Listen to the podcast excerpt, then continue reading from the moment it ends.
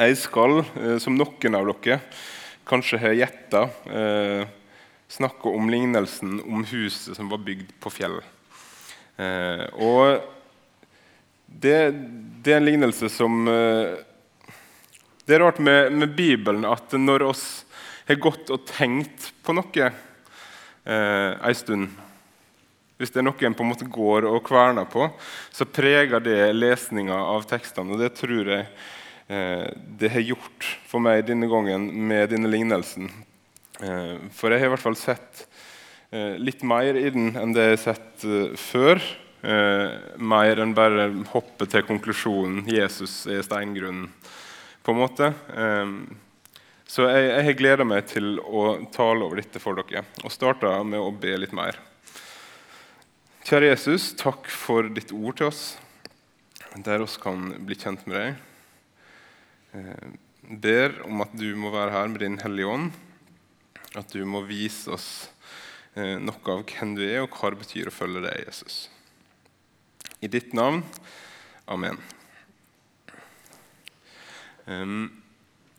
Når jeg har lest denne lignelsen før, eller hørt om denne lignelsen før, så har det veldig ofte vært en sånn veldig enkel, eh, enkel lignelse eh, for meg. Men så er det eh, en formulering som gjør den litt vanskeligere. Eh, og skal lese den helt nå først. Den som hører disse ordene mine og gjør det de sier, ligner en klok mann som bygde huset sitt på fjell. Regnet silte, elvene fløymde og vindene bles og slo mot huset, men det falt ikke, for det var tufta på fjell.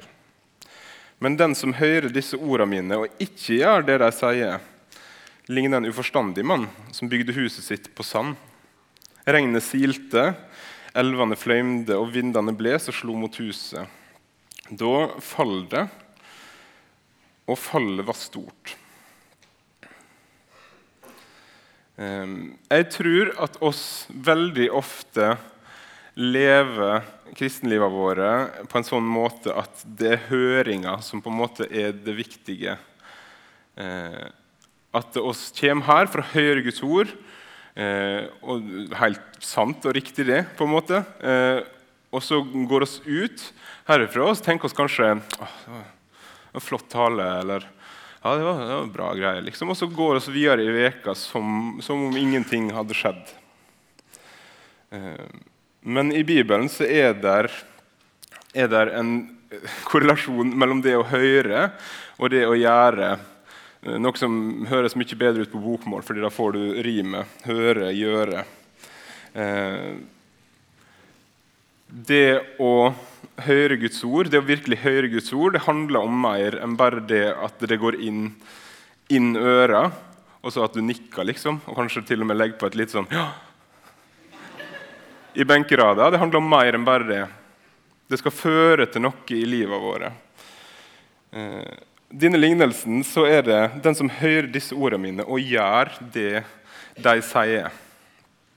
Og Dette følger oss egentlig gjennom hele Bibelen. Eh, et eksempel mener jeg på det, eh, det er i andre Mosbok. Hvis dere har bladd litt der, så er det to kjempelange på en måte, fortellinger som egentlig er helt den samme fortellinga.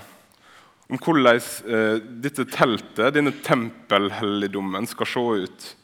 Først oppe på fjellet, der Moses får beskjed av Gud i veldig detalj hvordan dette teltet skal se ut. Og så, noen kapittel seinere, like langt akkurat det samme, bare at nå gjør dere det. Og jeg tror det er et poeng i at de kapitlene er der. Når jeg har lest dem tidligere, så har jeg tenkt litt sånn der ah, det, det, er jo akkurat det samme, sånn ord for ord, det samme som jeg nettopp har lest. Eh, men poenget er de får beskjeden, og så gjør de det. De gjør det faktisk. De hører ikke bare ordet. Liksom, Moses tenker ikke bare sånn hørtes ut som en fett telt, liksom. Eh, men han gjør faktisk det Gud sa. Han bygger det teltet akkurat slik som Gud sa han skulle bygge det. Når israelsfolket eh, får beskjeder, så er det også hør. Og så skal de gjøre etter det de har hørt. Og når de blir anklaga for noe, når Gud, eh, når Gud straffer dem, så er det fordi de ikke har gjort sånn som de fikk høre. Det å gjøre høre sammen med høringa. Du har ikke virkelig hørt hvis du ikke har gjort. En som snakka veldig hardt, veldig klart om dette, her, det er Jakob, Jesus sin egen bror. Vi skal starte i kapittel 2 av Jakobs brev, og så skal vi gå videre til kapittel 1 etterpå. Hva hjelper det, søsken, om noen sier han har tru, når han ikke har gjerninger? Kan vel trua frelse ham? Sett at en bror eller ei søster ikke har klær og mangler mat for dagen. Hva hjelper det da om en av dere sier til dem Gå med fred, varm dere og et dere mette, uten å gi dem det kroppen trenger. På samme måten er det med trua i seg sjøl, uten gjerninger, er å dø. Dette kommer etter disse versene her, fra kapittel 1. Dere må gjøre det ordet sier, ikke bare høre det, ellers lurer dere dere sjøl. For den som hører ordet og ikke gjør det ordet sier, er lik en mann som ser på sitt eget ansikt i en speil. Han ser på det, går sin vei og glemmer straks hvordan han så ut. Litt sånn komisk, den siste lignelsen der. Men er det ikke litt sånn Er er det bare jeg som har det sånn at jeg for eksempel, da, når Nick Ripken var her, sitter i salen og tenker åh, dødsbra. Og så går jeg ut herifra, så har det egentlig skjedd fryktelig lite. Jeg har ingen plan på hvordan skal dette inkorporeres i livet mitt. Hvordan skal det jeg nå har fått høre, få livet mitt til å se annerledes ut? Hvordan skal det jeg nå har fått ifra Guds ord, prege hvordan jeg lever i møte med mine medmennesker? Veldig ofte så er det sånn for meg at jeg, jeg er en sånn som lager sånn lyder også. Eh, så veldig ofte sånn mm, Ja. Eh, og så, og så, går jeg hjem igjen, og så er alt som før. Jeg tror oss trenger å høre på Jakob, dvele litt. Hva var det vi fikk høre i kveld, egentlig? Hva betyr dette her for meg i mitt liv? Hva betyr dette her for hvordan jeg er i møte med deg som jeg møter gjennom dagen? Samtidig, Bibelen er knalltydelig på hva det er som frelser oss. Det er det Jesus og det han har gjort, som gjør. Samtidig med det, så, som Jakob nettopp var et veldig klart eksempel på, er Bibelen veldig tydelig på at når du er blitt frelst, så skjer det et eller annet med deg. Trua er ikke bare en sånn intellektuell greie som bor her oppe. Ja, jeg tror det. Litt sånn Ja, det, der, det, det, du sa der, det var helt rett. Det er, ikke, det er ikke bare en sånn greie, men det er noe som skal ned i hjertet og ut i lemmene våre. Prege hele oss. Jeg tror på Jesus er ikke bare en kunnskap om at ja, Jesus han, han levde, og han døde, og han sto opp igjen. Og, og er et evig håp for meg. Eh, men det at vi har et evig håp, det gjør noe med oss. Paulus har skrevet Efeserbrevet, som jo kan virke som en litt sånn motsetning til det Jakob sa. Der, der Jakob skriver hva hjelper det søsken om noen sier han er tru når han ikke er gjerninga, så skriver Paulus i Efeserne 2.: For om nåde er dere frelst ved tru, og det hviler ikke på gjerninga, for at ingen skal skryte av seg sjøl. Men rett etter det, i vers 10 i kapittel 2, så skriver Paulus.: For dere er hans verk, skapt i Kristus Jesus til hva for noe kan jeg få? Til gode gjerninger som Han på forhånd har lagt ferdig for oss for at vi skulle vandre i dem. Når oss tror på Jesus, så er ikke det noe som foregår bare her. Det er noe som foregår her. Det er noe som forandrer og forvandler hjertet vårt.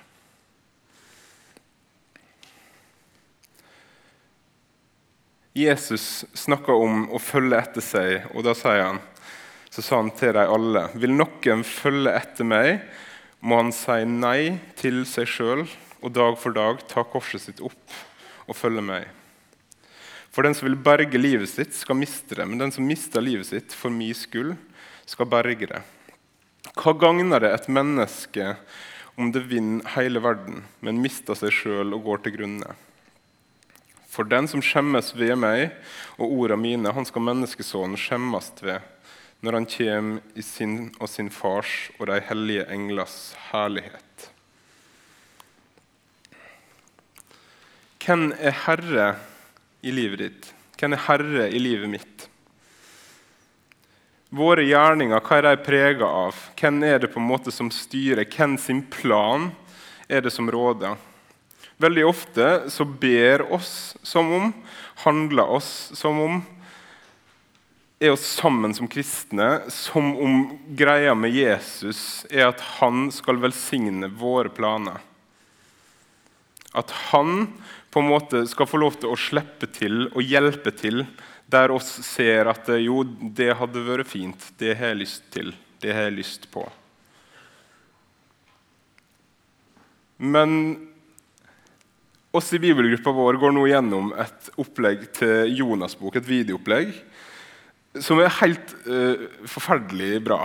Uh, der den første videosessionen konfronterte meg midt i fleisen med det her.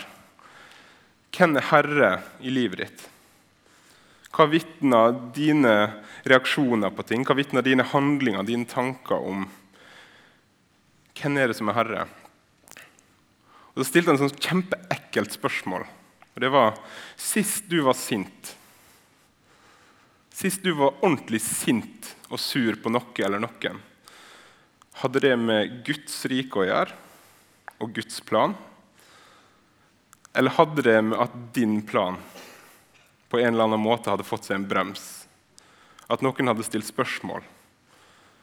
At noen var i veien. Sånn rent bokstavelig talt for min del, der jeg stort sett blir ordentlig sint, er i trafikken.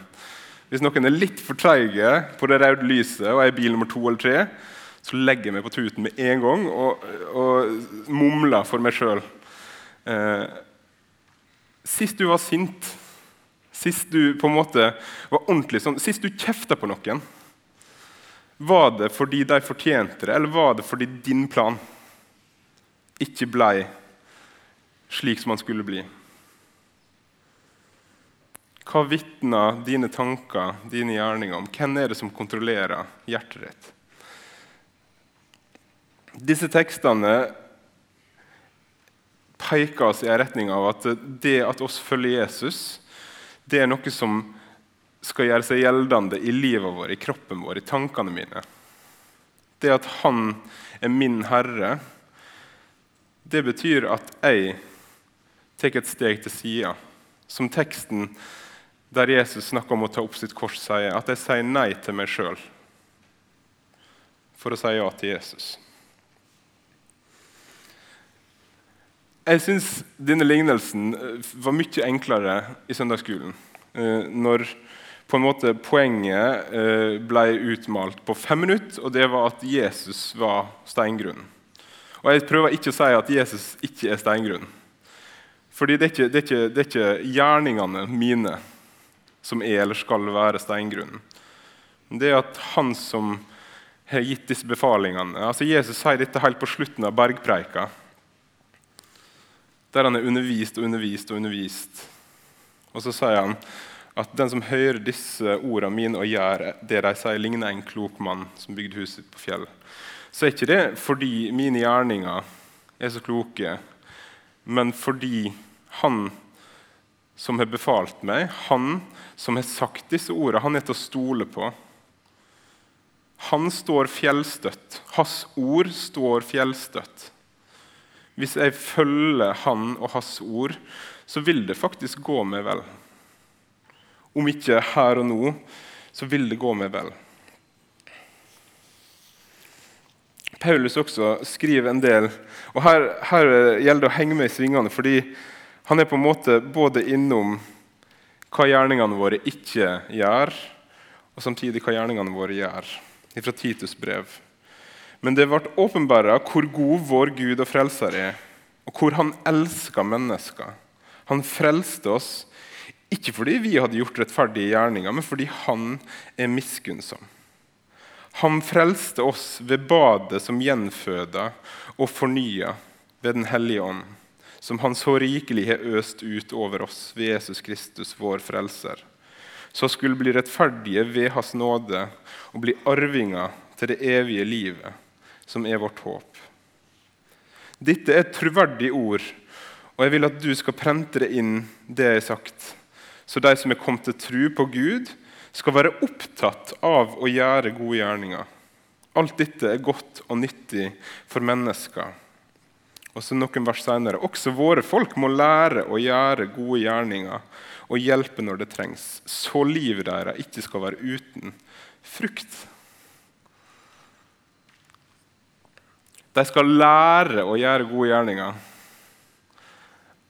Ergo er ikke det noe som på en måte nødvendigvis kommer naturlig helt av seg sjøl. Det, det, er ikke sånn det funker for meg. i hvert fall, at Bare jeg kommer på nok møter her i misjonssalen og får høre nok så, så, vil det bare automatisk være sånn at jeg springer rundt uh, på gata og, og er godheten sjøl.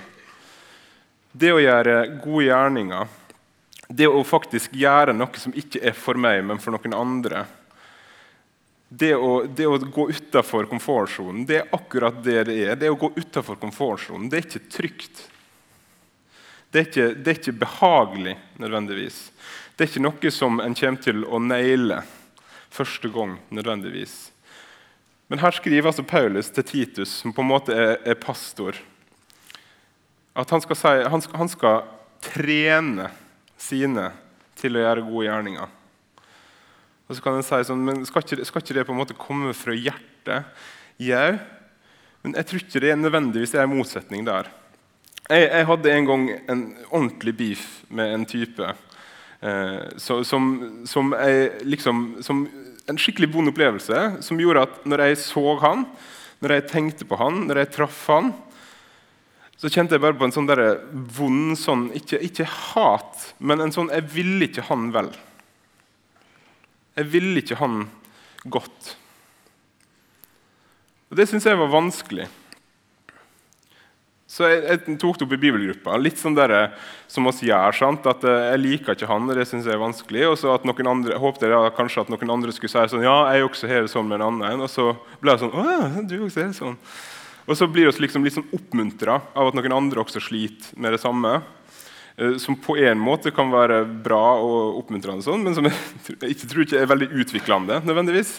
Hvis en bare blir værende der at sånn Ja, da sliter vi litt med det. Du også, ja? Ja, ja det er ikke aleine, liksom. Og så, og så, er alt liksom greit. Eh, det som i stedet skjedde, var at en av de andre i bibelgruppa sa Jeg syns du skal begynne å be for han. Det hadde jo ikke jeg noe lyst til. Hvorfor skal, jeg, hvorfor skal jeg be for han? Han var stygg med meg, derfor liker ikke jeg han, og så skal jeg liksom på en måte Skal jeg be for han? Og da skjedde det noe med meg etter hvert. Når jeg i starten, uten å mene det, på en måte ba ja, be for ham og gi han en fin dag. Eh, og sånn. Etter hvert så skjedde det noe med meg, med hjertet mitt, i møte med denne mannen. I møte med denne karen som på en måte jeg ikke, jeg hadde et eller annet uforløst der. Jeg hadde noe som jeg følte jeg hadde blitt gjort urett imot. Og så nå skulle jeg liksom be for han. Og så gjorde det at den relasjonen på en måte Den krølla som var der, var der plutselig ikke lenger. Vi må øve oss på å gjøre gode gjerninger. I misjonsbefalinga sier Jesus at dere skal døpe dem, og så skal dere lære dem å holde. Lære dem å holde alt det jeg befalte dere. Det er ikke noe som skjer over natta. Det er ikke noe som jeg tror skjer over et liv en gang. Jeg tror ikke Paulus sjøl greide å leve etter alt det som Jesus hadde befalt. På ingen måte. Han var veldig klar over det sjøl, hvis dere leser i brevet hans.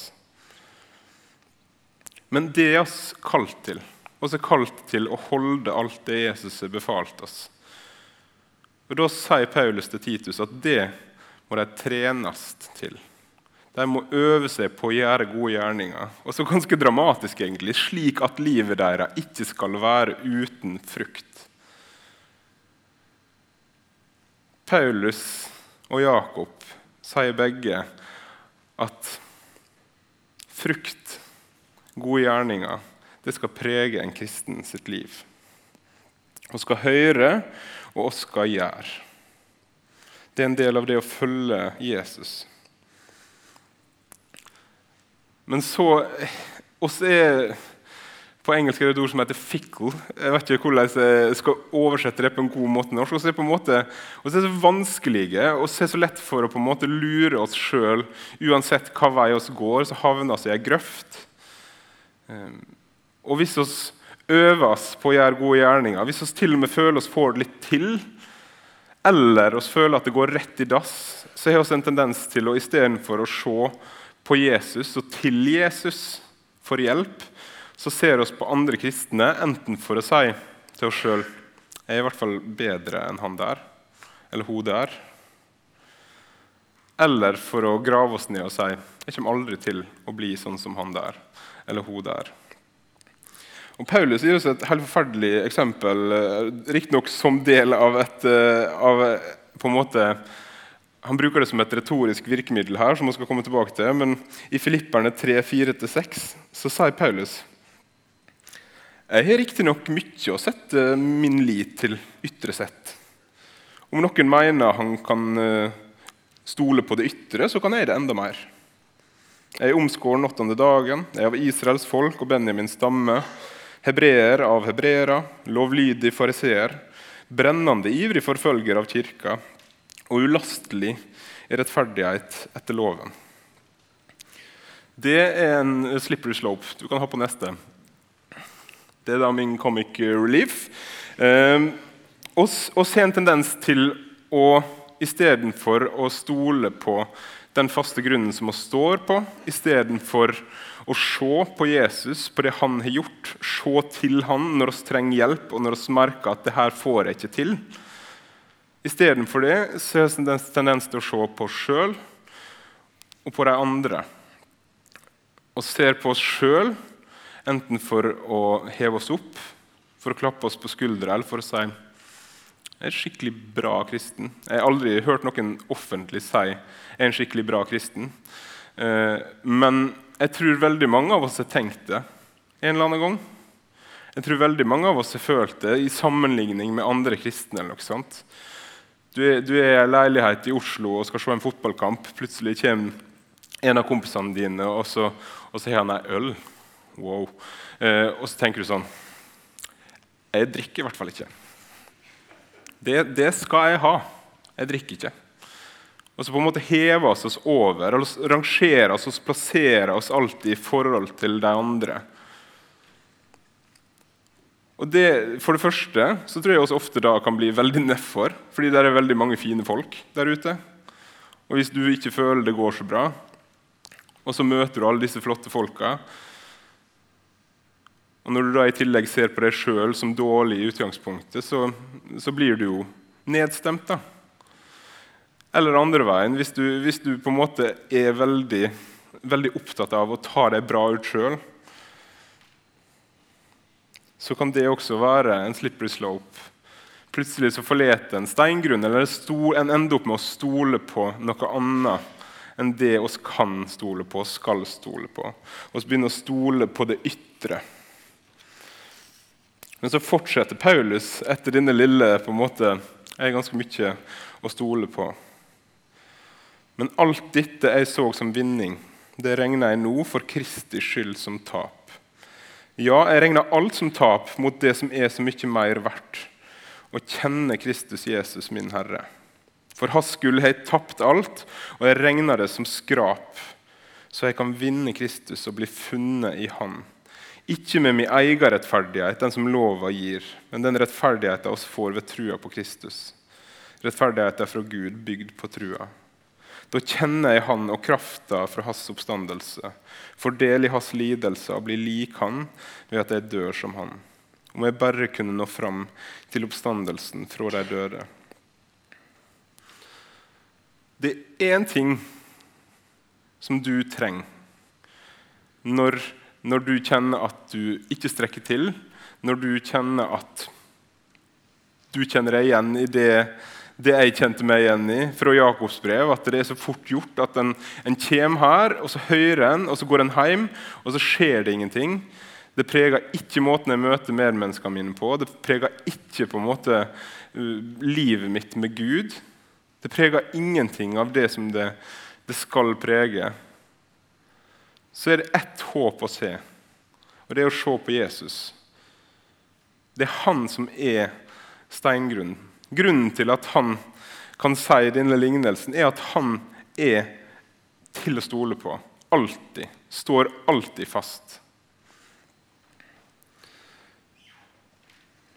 I, I, det bibelgruppeopplegget som jeg nevnte i stad, eh, så avslutta han som underviser første session, med å si eh, oss kristne har potensialet til å være det åpneste og ærligste fellesskap på jorda.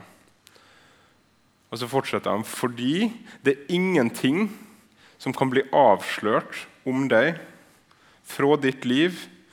Det er ingenting som kan komme fram i lyset som har vært i mørket, som Jesu blod ikke har dekt. Derfor kan vi være 100 ærlige. Nå tror ikke det er erfaringa mi eller dere når vi ser rundt oss her, dette svære fellesskapet, så føler vi ikke at her, her kan jeg dele alt. Men hvorfor, hvorfor er det sånn, egentlig?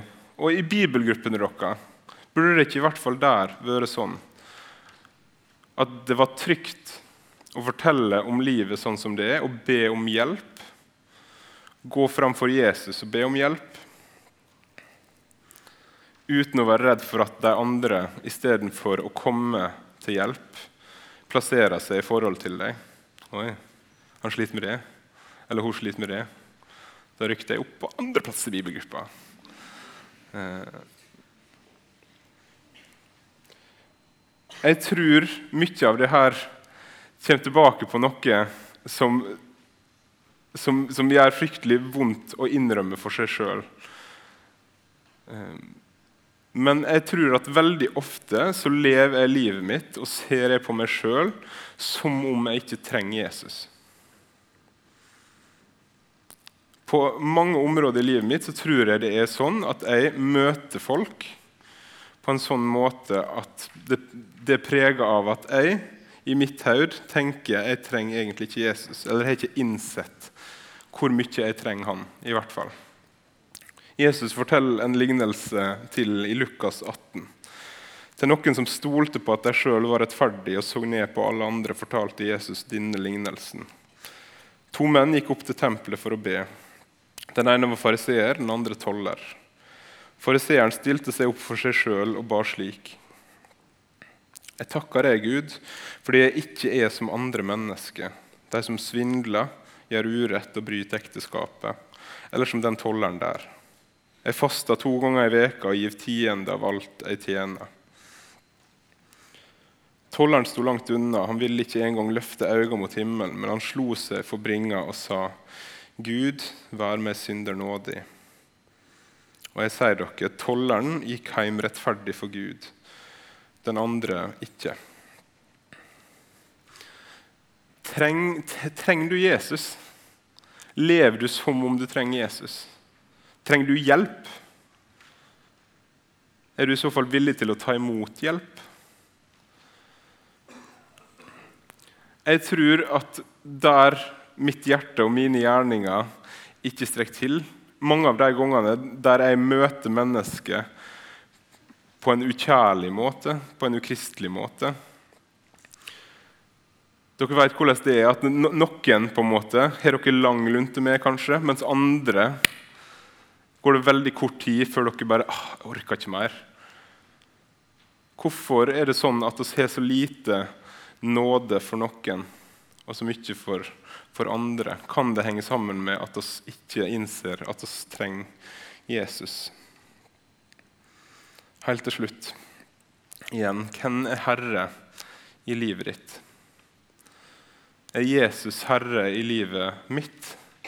Preger det i så fall gjerningene mine? Preger det hvordan jeg møter andre? Trenger jeg Jesus? Preger det hvordan jeg møter andre mennesker med? Har jeg sett hvor masse nåde jeg er blitt møtt med, og hvor masse nåde jeg har trengt? Og møter jeg andre mennesker med den nåden? Jeg og mine gjerninger er ikke steingrunnen. Men jeg har lyst til å følge Jesus. Jeg har lyst til å følge han. Jeg har lyst til å bli stående. Jeg har ikke lyst til å falle. Jeg har lyst til å møte mennesker slik Jesus møtte dem. Jeg har lyst til å ha Jesus som herre i livet mitt, men så fikser jeg på en måte ikke det. Og Det er det siste tipset dere skal få i dag fra det bibelgruppeopplegget som, som helt tydelig har fylt hodet mitt de siste ukene.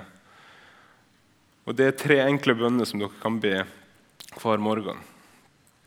Den første er Gud, jeg trenger din hjelp i dag. Den andre bønna er send meg hjelp fra deg i dag. Og den tredje bønna er Gi meg og ta imot hjelpa når den kommer. Det er kanskje den vanskeligste av dem. For hjelp trenger ikke å være komfortabelt. Jeg syns ikke det var noe særlig når han kompisen min kom med det geniale forslaget om å be for han, eh, han fyren. Det var ikke det jeg hadde lyst til. Det var ikke den hjelpa jeg så etter. Det var den hjelpa jeg fikk, og det var den hjelpa Gud ga meg. Ikke hjelp til å på en måte bare dele eder og galle om en eller annen fyr, som så kan få spre seg og bli til på en måte baksnakking i en større gruppe. Men hjelp til å komme til rette med mine såra følelser, og hjelp til å gjenopprette den relasjonen som var brutt. Innrøm for Gud at dere trenger hjelp. Be Han om å sende hjelp og be om nåde til å ta imot hjelpa når den kommer. Amen.